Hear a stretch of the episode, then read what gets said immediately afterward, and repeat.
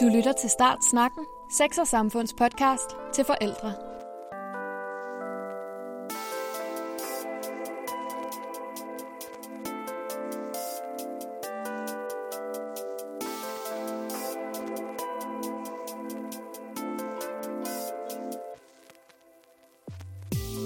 Mit navn er Karoline Ry, og det her er tredje afsnit af Startsnakken.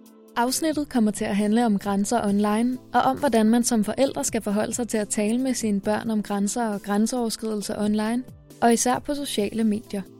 Der er meget, der har ændret sig i løbet af de sidste par årtier.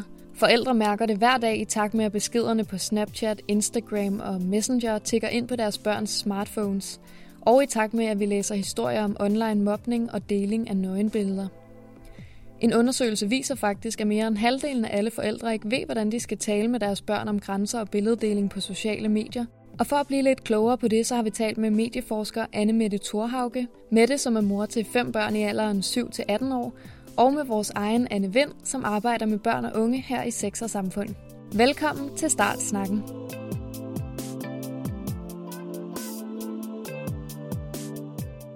Det de unge gør, er i det store hele det samme, som man selv gjorde.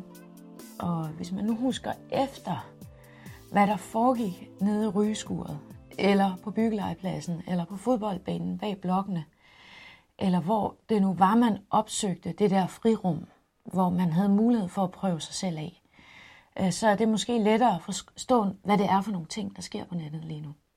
Vi starter hos medieforsker Anne Mette Thorhauge. Jeg hedder øh, Anne Mette Thorhauge. Jeg er lektor i kommunikation og IT på Københavns Universitet, og jeg forsker i medier. Øh, jeg forsker i digitale medier, og man kan sige, at jeg tilhører den del af forskningen, man kan omtale som de, de digitale mediers sociologi, eller digital mediesociologi. Det vil sige, at jeg interesserer mig rigtig meget for øh, sociale fællesskaber online, på den måde, øh, de her teknologier øh, sætter nogle strukturelle rammer for fællesskaberne osv. Udover det, så er jeg også formand for Medierådet for Børn og Unge. Og på den måde så har jeg brugt en del tid de seneste år på at beskæftige mig mere specifikt med børn og unges online liv. Anne Mette Thorhauge kan altså hjælpe os til bedre at forstå, hvordan børn og unge agerer på nettet. Og måske er det slet ikke så fjern fra, hvordan tingene var dengang du selv var ung. Den første ting, man skal huske, når man øh, skal prøve at forstå sit barns eller sin unges liv på nettet, er, det er faktisk de tager samme temaer. Det er faktisk de samme temaer, der udspiller sig. Det handler om venskaber, det handler om fællesskaber, det handler om identitet, det handler om de første seksuelle eksperimenter, det handler om at ture og træde ud og være sig selv, samtidig med, at man har et stærkt behov for anerkendelse. Øh, og alle de her temaer, de udspiller sig så nu på nogle vilkår, som er skiftet en hel del. Så man kan måske sige, det er lige så meget vilkårene, der er skiftet, og det er måske det, man skal være opmærksom på. Det siger jeg, fordi der kan hurtigt opstå den her forestilling om, at øh, vores ungdom er fordærvet. Og det er den altså ikke. Øh, hvis vi nu ser på de overordnede statistikker, så har vi faktisk en enormt pæn og velopdragen ungdom. Vi har mindre kriminalitet, vi har mindre voldskriminalitet, vi har samlet set en højere seksuel debutalder osv. Vi har nogle unge mennesker, som faktisk samlet set drikker mindre, altså øh, i forhold til for eksempel min generation. Øh, så, øh, så på den måde, så er det ikke fordi, at øh, vores nuværende ungdom er moralsk fordærvet. Men det, der sker, det er, at de her eksperimenter, som vi altså alle sammen skal ud i, og som er væsentlige, hvis vi skal opnå, hvad skal man sige, nogle erfaringer med livet og opnå selvtillid og selvstændighed i forhold til en række centrale temaer i livet, så er vi nødt til at prøve os selv af. Problemet er bare, at det der skete i rygeskuret, ikke? det blev i rygeskuret. Mens når man prøver sig selv af på nettet nu, så risikerer man altså, at de fejl, man begår, vi begår alle sammen fejl, de måske lidt mere ubehagelige erfaringer, vi gjorde os. Vi har alle sammen gjort os ubehagelige erfaringer i vores forsøg på at finde vores seksuelle identitet, for eksempel. De erfaringer, de kan lige pludselig forfølge de her unge mennesker på en anden måde, end de måske kunne forfølge os.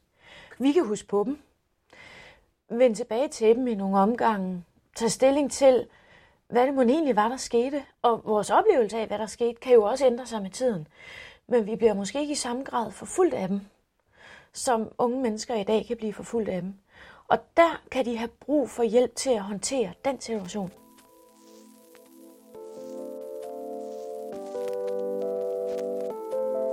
Ifølge medieforsker Annemette Thorhauke, så er det, som de unge gennemlever i dag i deres online-liv, altså slet ikke så forskelligt fra deres forældres erfaringer. Det er de samme temaer om relationer, venskaber og seksualitet, der er på spil. Nu foregår det bare på Snapchat og Instagram frem for i rygeskuret.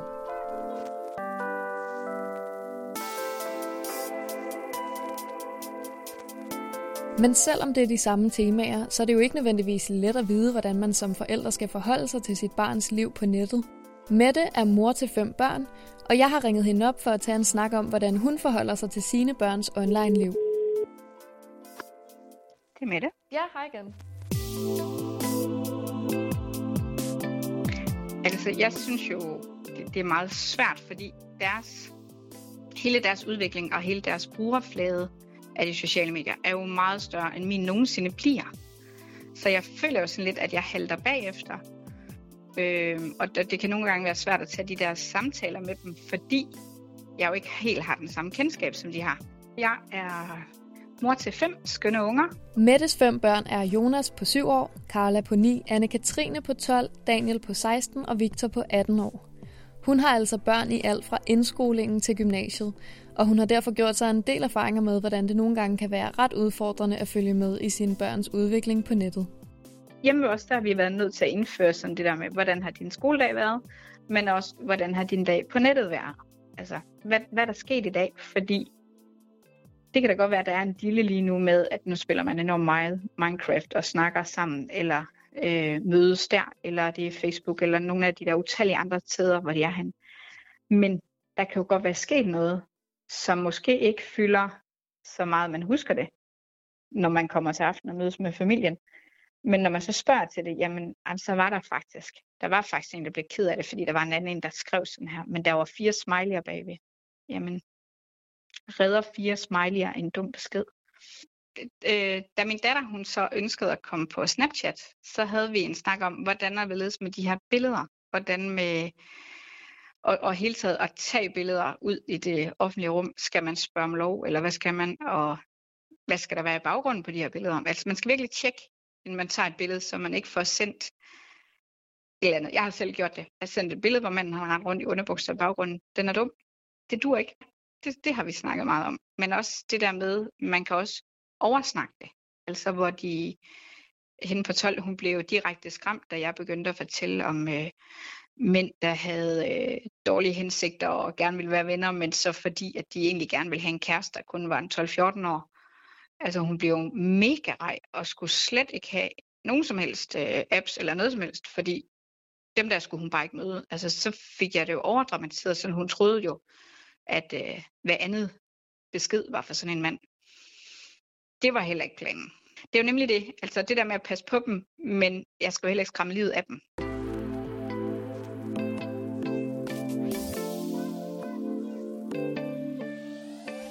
Så hvordan gør man lige det der med at tage den gode snak med sit barn om grænser på sociale medier, uden at skræmme sit barn fra videre sans?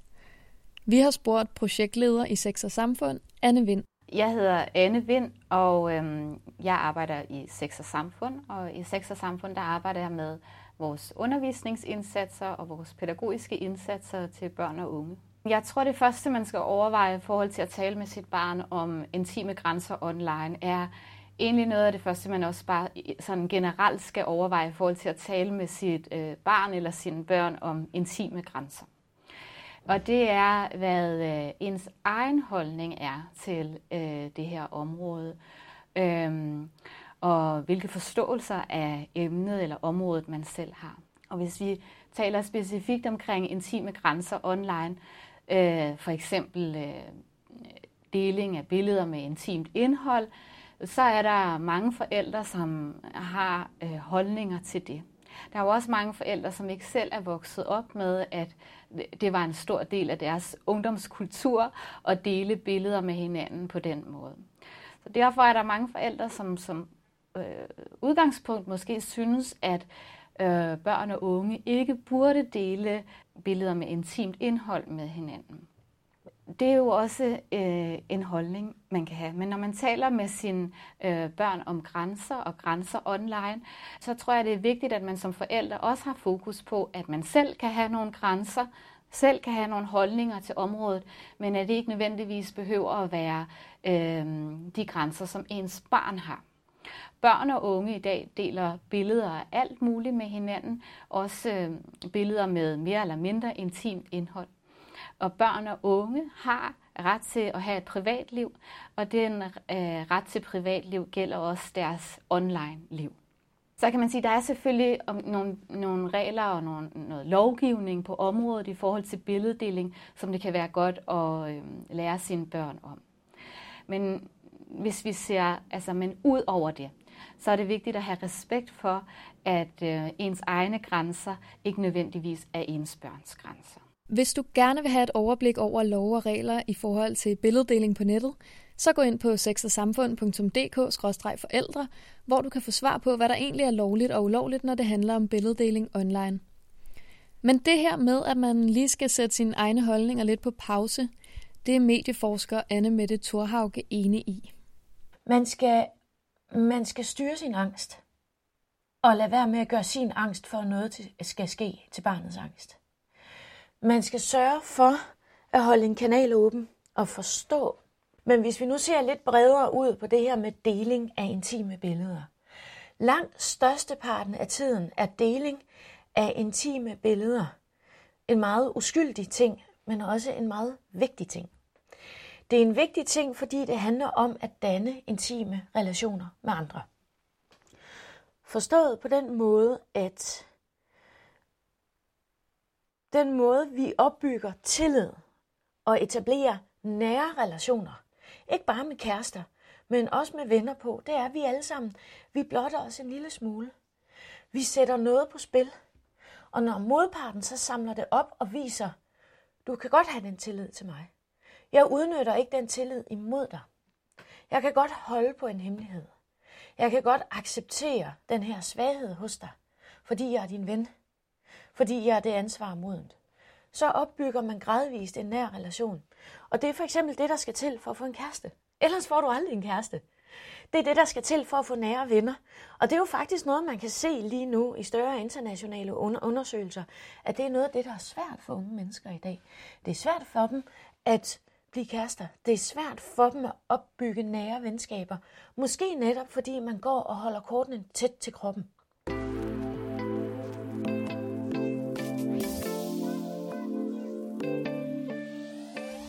Så billeddeling fungerer altså tit som et redskab til at opbygge tætte relationer. Men hvor finder man lige grænsen mellem den gode billeddeling, som Anne Mette Thorhauge her taler om, og den grænseoverskridende billeddeling, som vi hører så meget om i medierne? Anne Vind fra Sex og Samfund fortæller, hvordan man kan tage snakken om grænser og gråzoner med sit barn.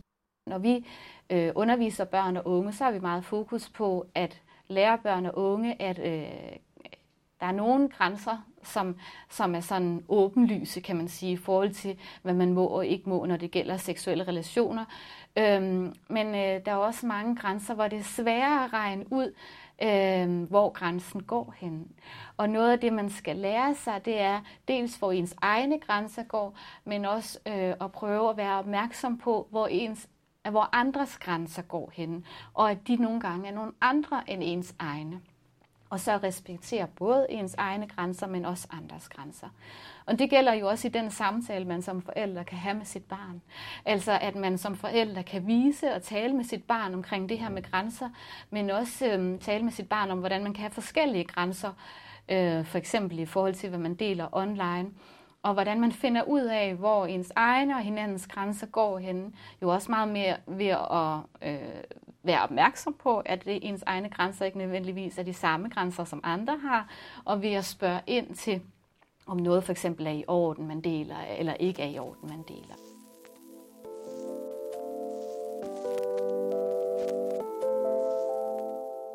Og ja, det er super svært at tale om grænser og gråzoner med sine børn. Men faktisk så har vi her i Sex og Samfund lavet noget, der hedder Forældredysten, hvor du kan få flere gode råd til at tale med dit barn om grænser. Hvis du har lyst, så kan du gå ind på forældredysten.dk og tilmelde dig. Her har vi lavet seks challenges til at tage seks snakke med dit barn om grænser på sociale medier. Nå, men lad os lige vende tilbage til Mette. Hun oplever nemlig selv, at det kan være svært med de her samtaler. Ja, og, og det er skide svært, fordi lige præcis med Snapchat, der er det jo væk. Altså der kan man jo sådan snakke meget om, jamen hvad var det, der stod? Hvis jeg skal snakke med en fra din klasse, forældre eller et eller andet, så skal det jo være helt præcis, hvad skrev vedkommende? Puh, ja, det kan jeg jo ikke huske, men jeg tror, at meningen og betydningen var, og, og så er det jo skide svært, fordi så har jeg jo ikke, det er jo ikke sådan, at jeg kan ringe til den anden forælder og sige, ved du godt, dit barn skriver sådan noget, fordi mit eget barn er egentlig ikke sikker på, hvad stod der? Hvad var det egentlig? Jeg bliver bare ramt af det. Og så har vi valgt at sige, så ringer vi ikke til nogen, men så snakker vi om, hvad gør du så? Betyder det, altså virkelig inderst inde, tror du så, at du er en lort? Altså, bærer du den med dig, eller hvad? Og så nogle gode dage, så tænker man nej, og på de dårlige dage, så er man da helt vildt ked af det. Og så tænker jeg, jamen, det er bare ligesom, da jeg selv gik i skole, hvor nogen kaldte en et eller andet grimt, og så måtte man takle det selv hjemme i familien. Det er i hvert fald, altså det er jo det redskab, man har, fordi det er det, jeg er vokset op i. Øhm, så det er jo, ja, hvordan klarer man en dårlig dag, hvordan klarer man en god dag. Ja, men der er ingen af mine børn, der har altså oplevet decideret mobning på medierne. Det har de ikke. Men ved jo, det eksisterer. Nu har vi talt om, at man som forældre skal passe på med at bringe sine egne holdninger for meget i spil, når man taler med sit barn om grænser. Vi har også talt om, hvordan man kan tale om grænser og gråzoner, og om, at grænser er forskellige for forskellige mennesker. Men hvordan begynder man egentlig den her samtale? Og hvad gør man, hvis ens barn slet ikke har lyst til at tale med en om de her ting? Lad os vende tilbage til Anne Vind fra Sex og Samfund. Altså nogle gange, så kan man jo nok som forældre opleve, at man forsøger at starte sådan en samtale, og det så bliver bare øh, blankt afvist fra starten. Og øh, det er vigtigt, at man som forældre spørger ind og er nysgerrig på sit øh, barns øh, liv i det hele taget, også sit barns online liv. Øh, samtidig er det vigtigt, at man som forældre respekterer ens barns øh, ret til privatliv. Og respekterer, når ens barn har lyst til at tale med en, øh, og når ens barn ikke har lyst til at tale med en om nogle bestemte emner. Og noget af det, vi ved fra børn og unge, det er, at de synes, det er rart, når deres forældre spørger ind, også selv om de ikke har lyst til at svare. Så det er vigtigt for børn og unge at vide, at deres forældre er interesseret i, hvad de laver, men samtidig er det vigtigt for dem, at deres forældre viser dem den respekt, at de har lov til selv at bestemme, hvornår de har lyst til at tale med deres forældre, og ikke har lyst til at tale med deres forældre. Så at man bliver afvist, tænker jeg ikke, man nødvendigvis skal se som et mislykket forsøg på en samtale. Øh, det er en del, altså det er jo ikke sådan, at man skal tage én samtale med sit barn omkring det her emne. Det er jo, man skal tage mange samtaler løbende, og det, at man nogle gange bliver afvist, eller ens barn nogle gange ikke har lyst til at tale med en om det her emne, det er en øh, helt almindelig eller positiv del af, af den samtale række, man kan have med sit børn omkring det her emne.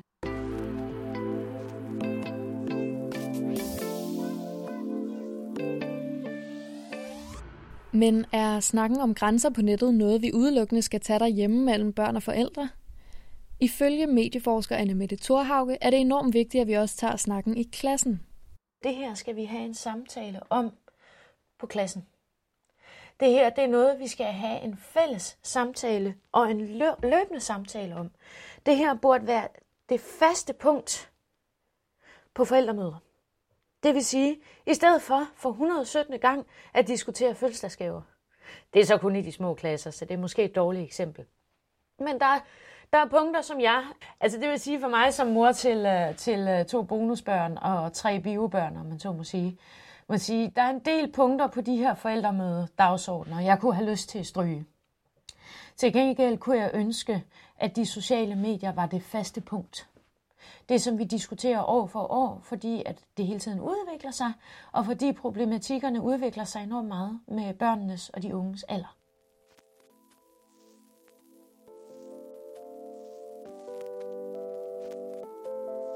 Så klassen er altså et oplagt sted at tage fat på grænser på sociale medier.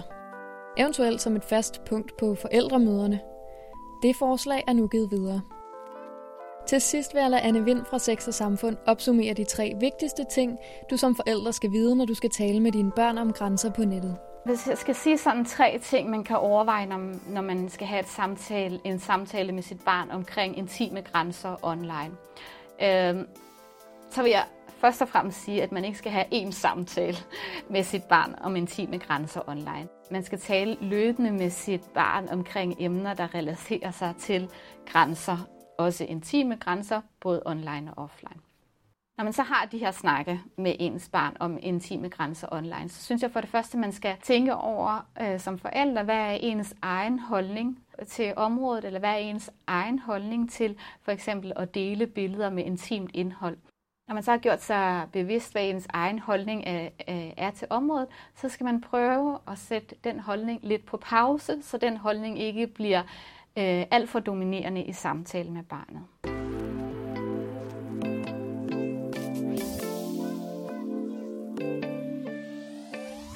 Det andet er, at man så, når man har gjort det, skal prøve at spørge ind til barnet. Hvad er det øh, for nogle sociale medier, for eksempel, barnet er på? Øh, hvorfor er barnet på de sociale medier? Hvem har barnet relationer med på de sociale medier? Hvad deler barnet øh, online med andre?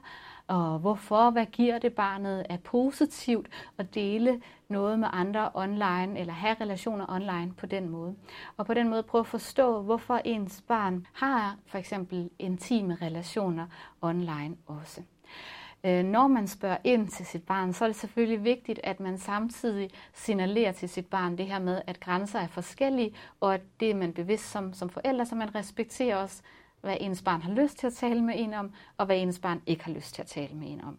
Og det kan være en god idé at tale om øh, ikke nødvendigvis barnets egne erfaringer eller den voksnes erfaringer, men at finde noget tredje, man kan tale ud fra.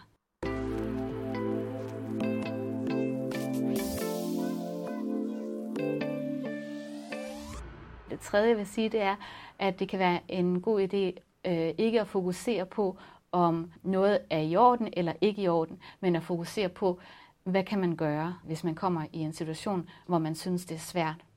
Altså, hvad kan man som barn gøre, hvis man kommer i en situation øh, online, hvor man synes, der er sket noget grænseoverskridende, for eksempel. Det er selvfølgelig vigtigt at lære sit barn om, Øh, hvad kan man sige, love og regler, der gælder i forhold til billeddeling, men det er også vigtigt, at der i samtalen eller i samtalerne med ens barn er plads til øh, et fokus på, hvad barnet kan gøre i de svære situationer, som barnet på, den ene, på det ene eller det andet tidspunkt kommer til at være i online.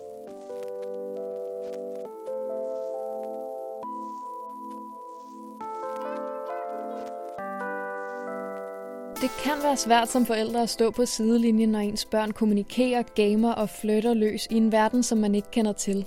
Så hvordan sikrer man sig i det mindste, at ens børn og unge ikke får deres grænser overskrevet? Ja, man skal tale med sine børn, ikke bare én gang, men løbende. Og så skal man prøve at gøre det åbent, så ens egne holdninger ikke fylder alt for meget og potentielt skræmmer ens børn. Man skal vise sine børn, at man altid er til rådighed, hvis de oplever noget grænseoverskridende på nettet. Og husk, vi kan ikke beskytte vores børn mod alting, hverken online eller uden for de digitale vægge. Men vi kan hjælpe dem til at klare de udfordringer, de møder.